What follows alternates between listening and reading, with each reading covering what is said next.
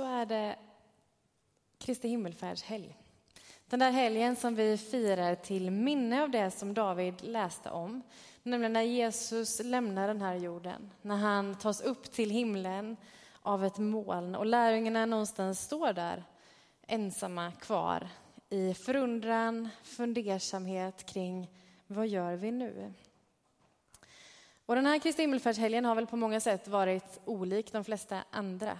Jag tänker alla läger, alla konferenser, allting som vi kanske brukar göra på Kristi himmelfärd har någonstans blivit inställt. Och kanske har vi fått mer tid till att hinna reflektera, till att hinna kanske umgås med våra familjer eller att få ännu mer tid till ensamheten, till isoleringen och kring det liv vi faktiskt har just nu.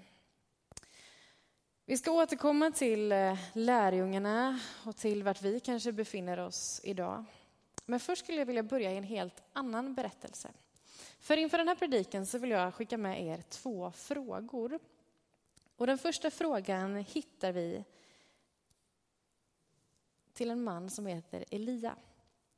Elia är en av de som räknas som Gamla testamentets största profeter. En man som har Alltså jag tänker att är det någon som liksom tydligt har fått se Gud, erfara Gud, fått, eh, verkligen fått bevisat att Gud finns, så är det han. Alltså en man som är ansedd, som har fått vara med om häpnadsväckande saker och som klassas idag som en av de absolut främsta gudsmännen.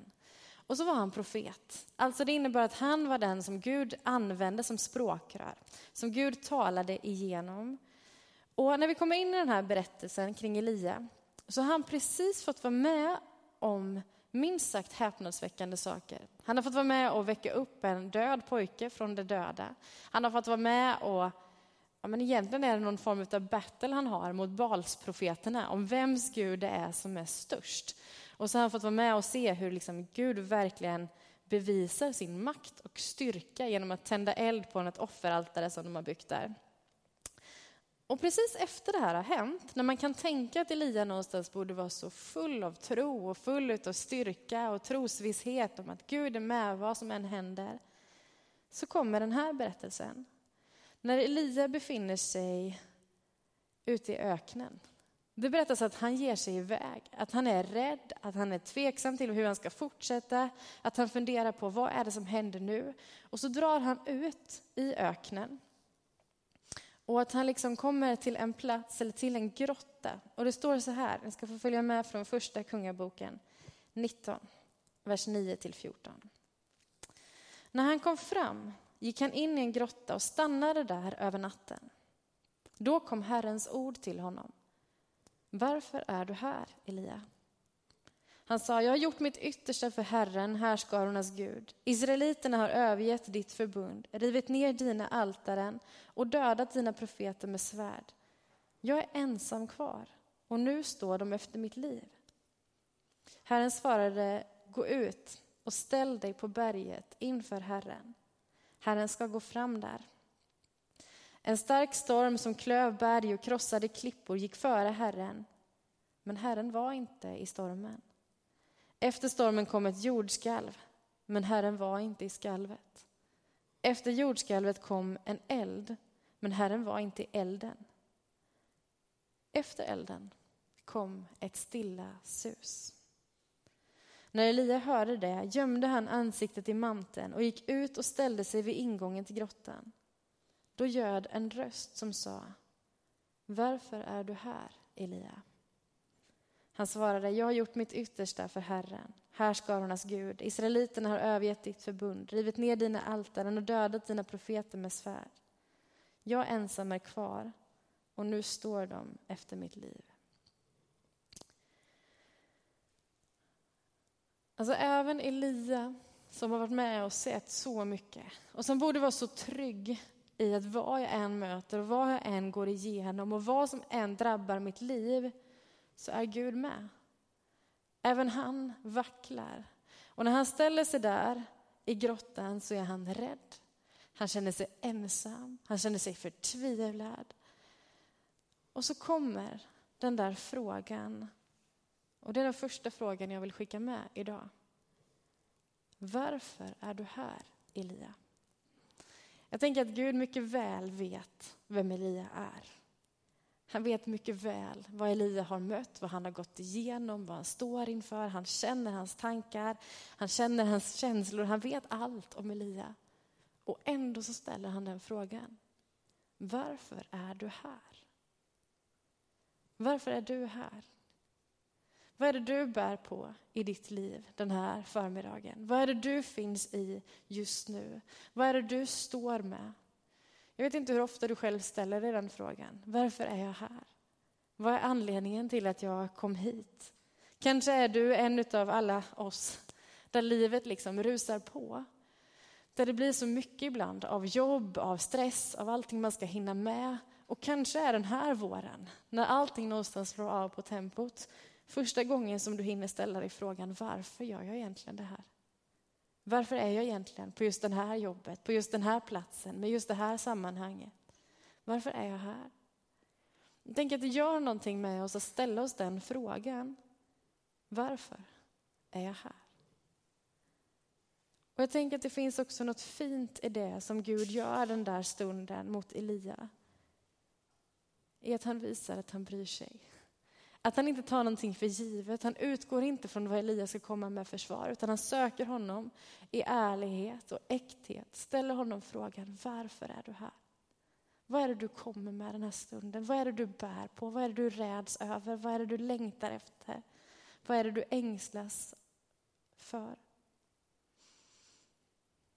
Så varför är du här? Vad är det du bär på just nu? Du som finns med runt om i hemmen där hemma. Vad är det du bär på?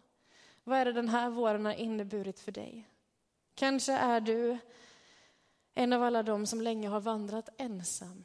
Och den här våren har bara blivit ännu mer tydlig i att ensamheten är det som omger dig. Och kanske är du en av alla de som ställer sig frågan, vad finns det mer? Varför är jag här? Finns det någon mer att hålla i? Finns det någon som bär mig? Finns det någon som omger mig när ensamheten och isoleringen känns så total? Eller kanske är du en av alla dem som just nu försöker få ihop livet med jobbet som haltar och barn som är hemma mer än vad de brukar. Och helt plötsligt får man mycket mer tid till den där familjen och hur får man ihop det? Hur ska man orka? Hur hittar man tid? Hur hittar man energi? Som känner just nu att tillvaron kryper allt närmare.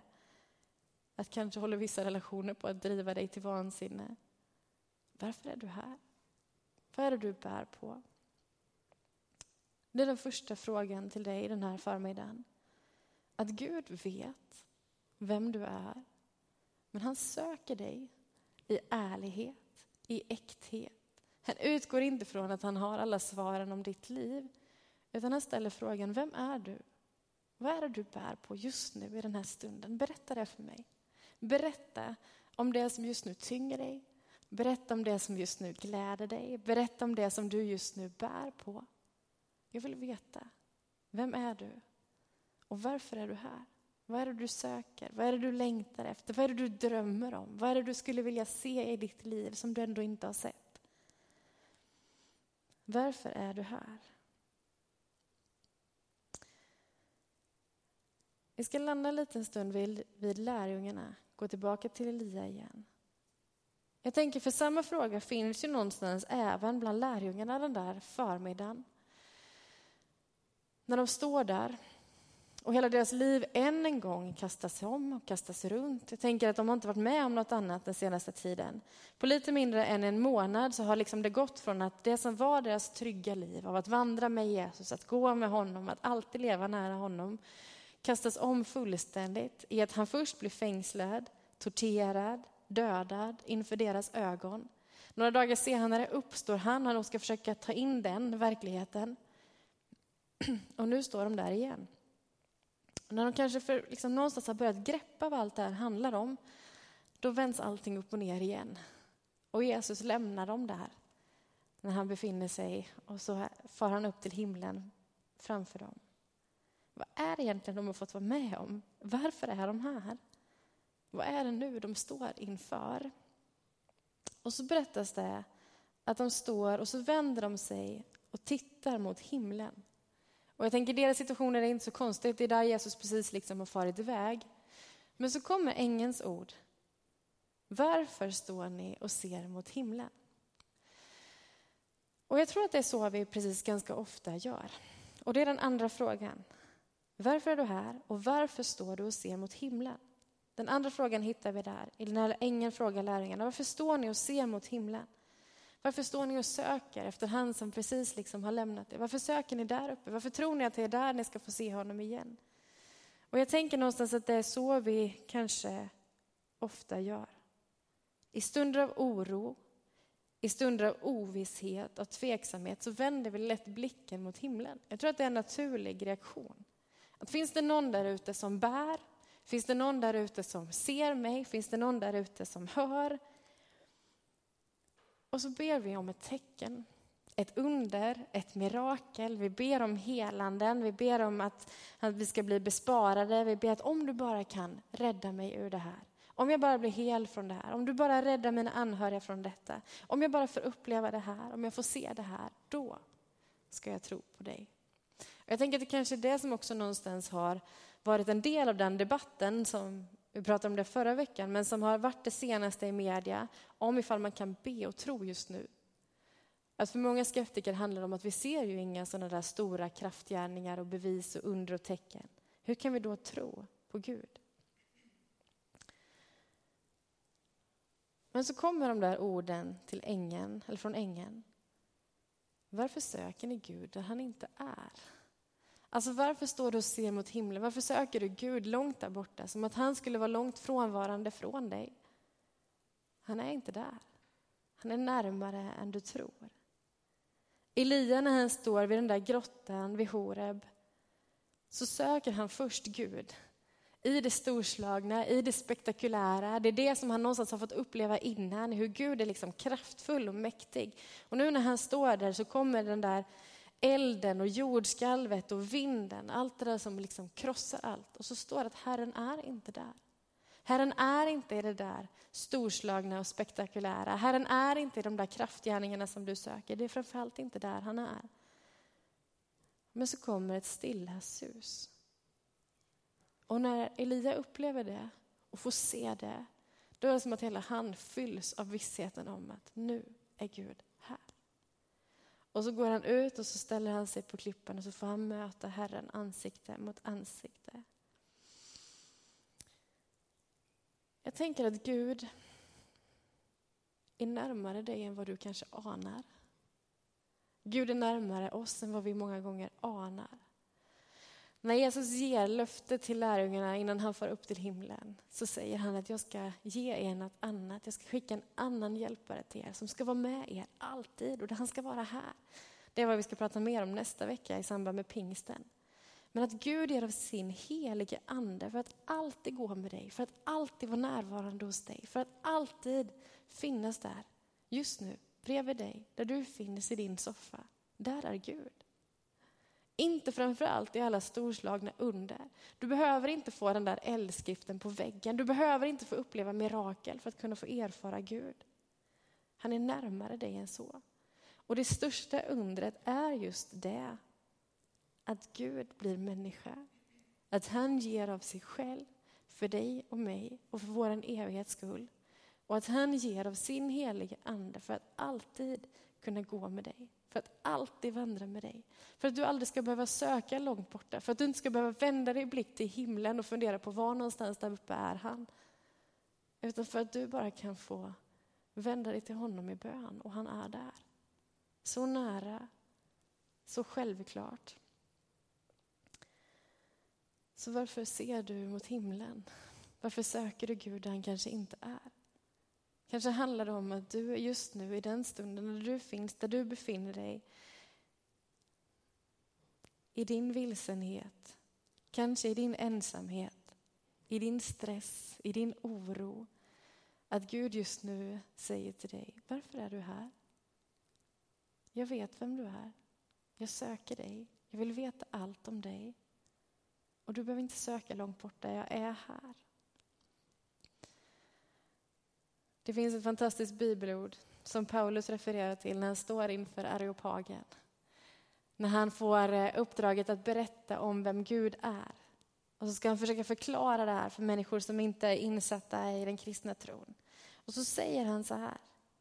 Han berättar liksom om Guds storhet, om hur Gud har skapat världen, om hur han är större än allting annat.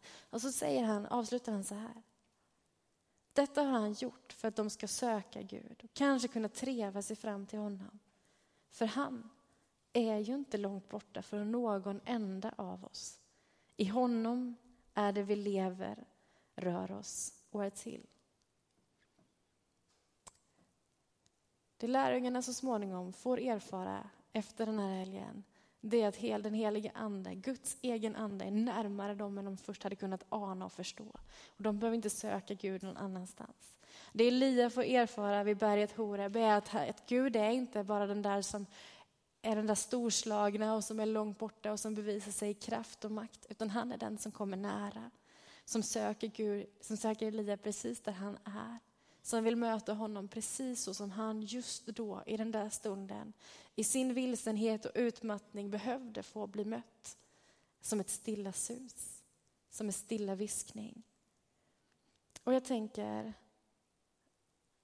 att det främsta kännetecknet på Gud är inte alla under och mirakel, utan det är att han vill fylla dig med sin frid, med sin kärlek, med sin visshet om att vet du vad, vad du än möter, vad du än går igenom, vad än anledningen är till varför du är här just nu, så är jag med dig. Och jag går med dig. Och jag vill fylla dig med kraft, med frid, med hopp. När Jesus ska beskriva den helige Ande så beskriver han honom som hjälparen. Och så säger han det här. Frid lämnar jag kvar åt er. Min frid ger jag er. Jag ger er inte det som världen ger. Så känn ingen oro och tappa inte modet. Amen.